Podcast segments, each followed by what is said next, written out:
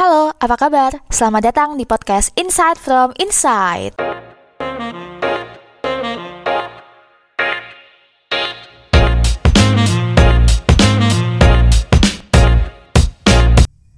Hai, selamat datang di episode 3. Masih bersama dengan saya, Isna. 14 Oktober kemarin, dunia kembali digemparkan dengan hadirnya film Blackpink di Netflix yang biasanya mereka itu muncul di YouTube dan Spotify.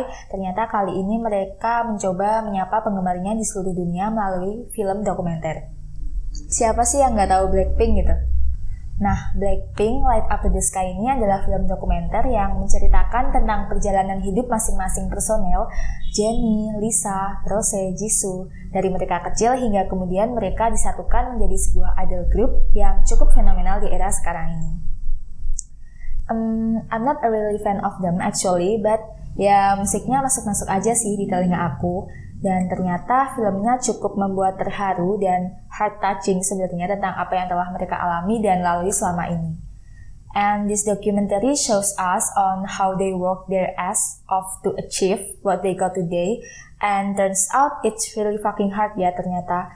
Dan di sepanjang film ini, aku pribadi menilai bahwa industri K-pop itu ternyata cukup ketat dan kompetitif banget uh, di mana girl band dan boy band itu dikumpulkan oleh suatu entertainment untuk kemudian mereka di training secara intens selama bertahun-tahun dari mulai latihan vokal, koreografi, pola makan, program workout, dan segala macam. And Blackpink deserve very well sih, I guess. And one point, film dokumenter ini juga membantu kita, uh, especially yang head sama Blackpink atau K-pop secara general ya, buat lebih mengetahui dan mengerti sebenarnya apa sih K-pop itu. Dan menurut aku Blackpink ini emang bener-bener banget sih kayak tiap kali mereka ngeluarin MV di YouTube mereka itu selalu masuk jadi top trending terus jadi terus dari agensinya itu mereka juga dibikin supaya Blackpink ini bisa berkolaborasi dengan artis internasional contohnya kayak Selena Gomez dan kemarin mereka came out dengan lagu Ice Cream gitu dan cukup jadi trending topik juga di dunia gitu. Dan hal ini juga membuktikannya bahwa Blackpink itu sebenarnya layak banget buat go internasional. Sama juga mereka tampil di festival musik Coachella bersanding dengan artis-artis dan musisi lain di sana. Dan tiap kali aku buka YouTube, iklan mereka itu sering muncul karena mereka jadi salah satu brand ambassador e-commerce berwarna oranye. Nggak boleh sebut merek ya, pokoknya ya kesukaan ciwi-ciwi lah. Dan kayaknya Blackpink ini nggak cuma disukai K-popers aja, dan hari gini siapa sih yang nggak tahu Blackpink gitu? Karena buktinya walaupun aku nggak follow akun sosial media per membernya, postingan mereka itu selalu muncul di explore Instagram aku dan pas aku lihat itu karena mutual temenku yang cowok-cowok itu banyak yang follow mereka. nggak cuma follow ternyata tetapi juga rajin nge-likes gitu. Salut banget guys buat kalian cowok-cowok. Nah sebenarnya selain girl band dan boy band pun ternyata juga ada drama dan film. Parasite salah satunya selain mie capagurinya yang enak, ah apa sih ngomongnya? Ya pokoknya itulah yang mie hitam yang membuat saya lapar saat menonton filmnya di bioskop. Film ini pun juga sangat sukses dan menjadi film pertama Asia yang berhasil memenangkan Piala Oscar kemarin. Selain film, K-dramanya pun juga bisa ditonton maraton dari subuh hingga subuhnya lagi. Uh, tapi jangan ya teman-teman, tetap jaga kesehatan dan juga atur porsi istirahat kalian. Uh, well, overall good job sih buat Korea atas diobrakannya di dunia entertainment. Nah, ngomongin tentang industri entertainment di Korea nih, kali ini aku mengundang salah satu narasumber yang cukup populer di sosial media Burung Biru alias Twitter. Followersnya tuh almost hit 17k ya teman-teman. Ya, inilah dia teman saya, Brilian. apa kabar, Brilian? Hai. Uh, udah ada kabar apa nih di akun Makir Lihat ini? ya gitu-gitu aja. Jangan lupa streaming, voting. Ini pertama kali loh ya, aku akhirnya reveal akun Koreaan aku ke ranah real life gini. Oh iya serius ya? Serius. ya udah deh kalau gitu. Uh, coba dong Lian kamu perkenalkan diri kamu terlebih dahulu ke ke pendengar-pendengar di sini. Hai, aku Lian. Uh, gak ada jabatan penting apa-apa sih, cuma volunteer marketing NCT aja nih. NCT berarti masih ini suka sama aku sama ada yang lain sih sekarang. oke oke paham paham. Oh kayaknya itu sih ya. Oke okay. maaf ya guys inside jokes. Oke langsung aja kali ya. Uh, coba dong Yan kamu ceritain uh, when did you know K-pop for the first time gitu. For the first time tuh pas kita masih sekolah nggak sih? Pas SMP kelas 8 apa kelas 9 gitu? Nah, kira-kira tuh waktu dulu, waktu pas masih SMP, girl band atau boy band yang pertama kali kamu tahu tuh siapa? Pertama kali banget tuh Super Junior. Kayak siapa sih yang nggak tahu sorry sorry gitu loh. Siwon gitu ya. sekarang jadi ambasadornya Sedih sedap. Eh, nah dari oh ya sorry sorry. Nah dari situ akhirnya aku dengerin lagu-lagu K-pop yang lain dan dari grup-grup yang lain. Mungkin kalau waktu itu masih SNSD, 2PM, Shiny gitu-gitu. Nah, terus eh, kira-kira nih, eh, menurut kan kamu udah lama ya fans K-pop lah istilahnya. Nah, itu perbedaan antara K-pop zaman dulu, zaman kita masih SMP, sama K-pop yang sekarang itu kayak gimana sih? Eh, mungkin karena sekarang udah banyak boy group sama girl group yang debut gitu ya. Jadi perbedaan sama K-pop again lama era-era yang dulu tuh ada di konsep yang diusung sih. Kalau yang sekarang tuh banyak banget kayak konsep cute, girl crush, fierce gitu-gitu. Eh, sama ini sih yang paling berbeda interaksi sama fans. Kalau dulu kan susah banget ya ngejangkau idol tuh kayak artis luar negeri banget. Kalau sekarang eh, seiring perkembangan teknologi juga kita udah difasilitasi mulai dari ngobrol di Twitter gitu. Kadang ada menpa atau mention party sih namanya. Dari idol yang balesin fans langsung. Iya, iya. Terus mereka punya Instagram pribadi yang bisa kita tinggalin komen atau eh, ada juga sekarang namanya tuh bubble kayak kita bisa ngerasain chat langsung sama idol kadang mereka ngirim selfie atau ngirim VN ke kita gitu. Jadi langsung yang bersangkutan langganan gitu sih. Oh, interaktif ya. Iya iya. Eh, terus kamu langganan gitu juga nggak? Oh ya. ya iyalah ya pasti. Nah, terus eh, pernah dengar istilah ini nggak sih kan kayak semua orang itu akan Korea pada waktunya gitu. Ah. Karena orang-orang itu dulu itu memandang boyband itu ya terutama itu tuh kayak jadi seksis gitu loh kayak ada omongan miring sentimen miring dari orang-orang kayak ala opa-opa lu mah oplas gitu. Padahal ya nggak semua membernya oplas gitu nggak sih? Ya karena emang mereka itu ganteng dari sononya aja gitu udah ganteng dari pabriknya. Ya itu nggak memungkiri sih ya karena maksudnya nggak memungkiri orang-orang berpikir kayak gitu karena di Korea sendiri oplas tuh hal biasa. Iya benar-benar.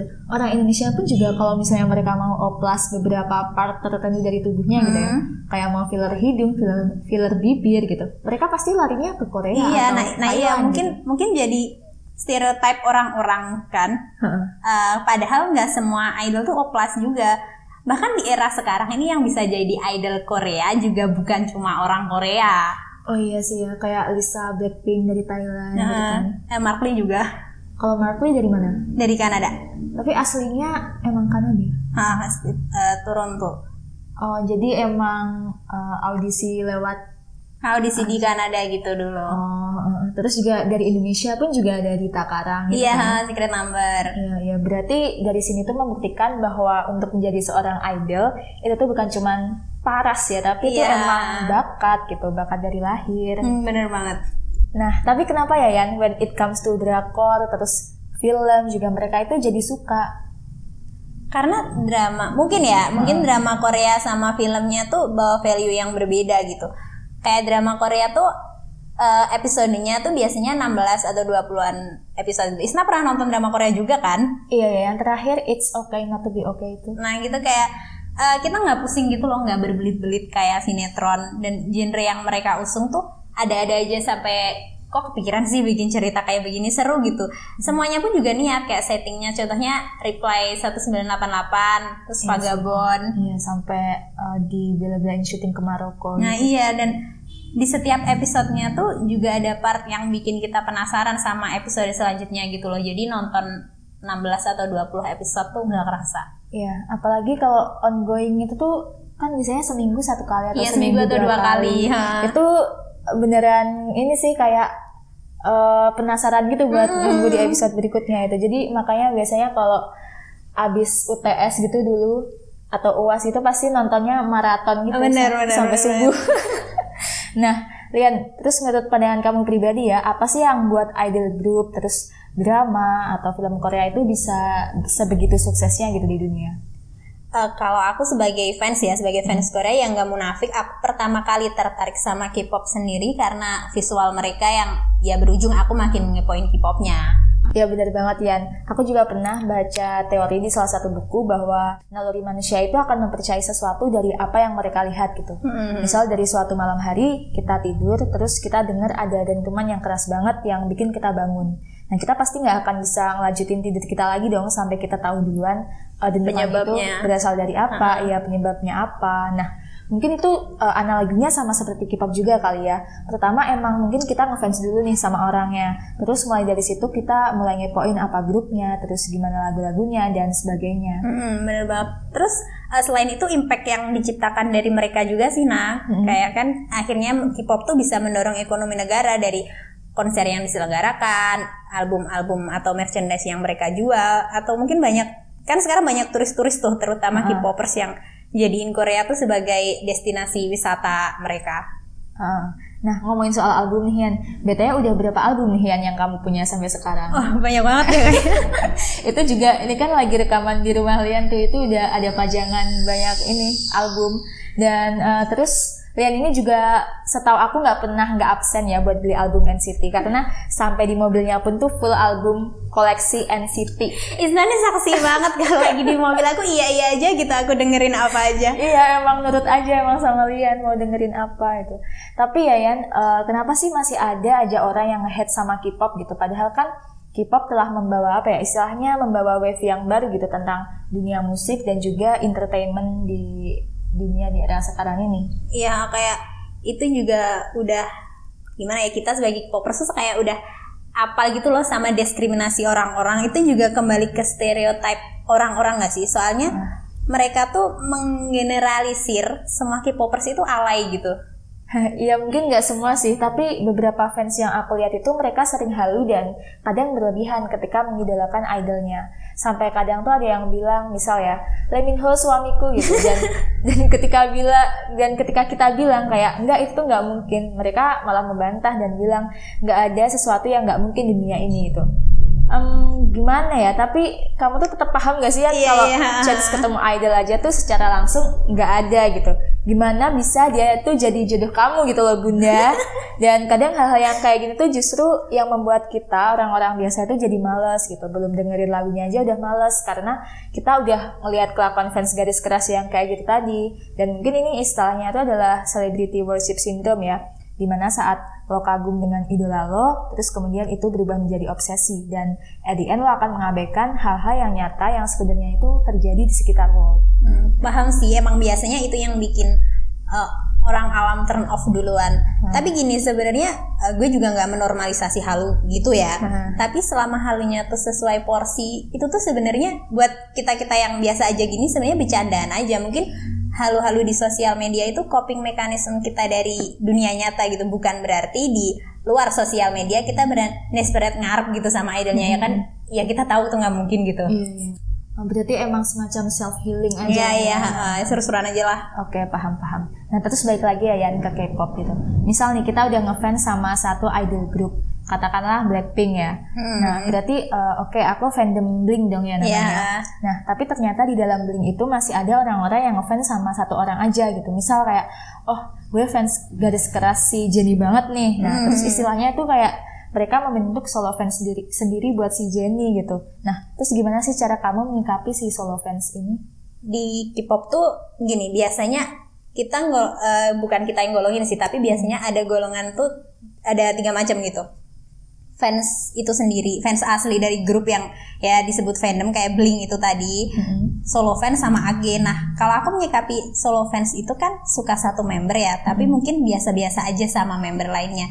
Kata aku sih ya masih nggak apa-apa sih karena pada akhirnya gimana pun selama idol atau biasnya itu masih sama grupnya dia juga akan support grup itu demi idolnya kan. Mm-hmm. Cuma kalau AG itu nah suka satu member dan benci sama member lainnya. Mm, sebegitunya ya. Nah, itu sih yang kata aku kurang aja karena mm. kan idolnya ini punya visi misi yang sama gitu sama mm. teman-teman segrupnya. Iya, iya.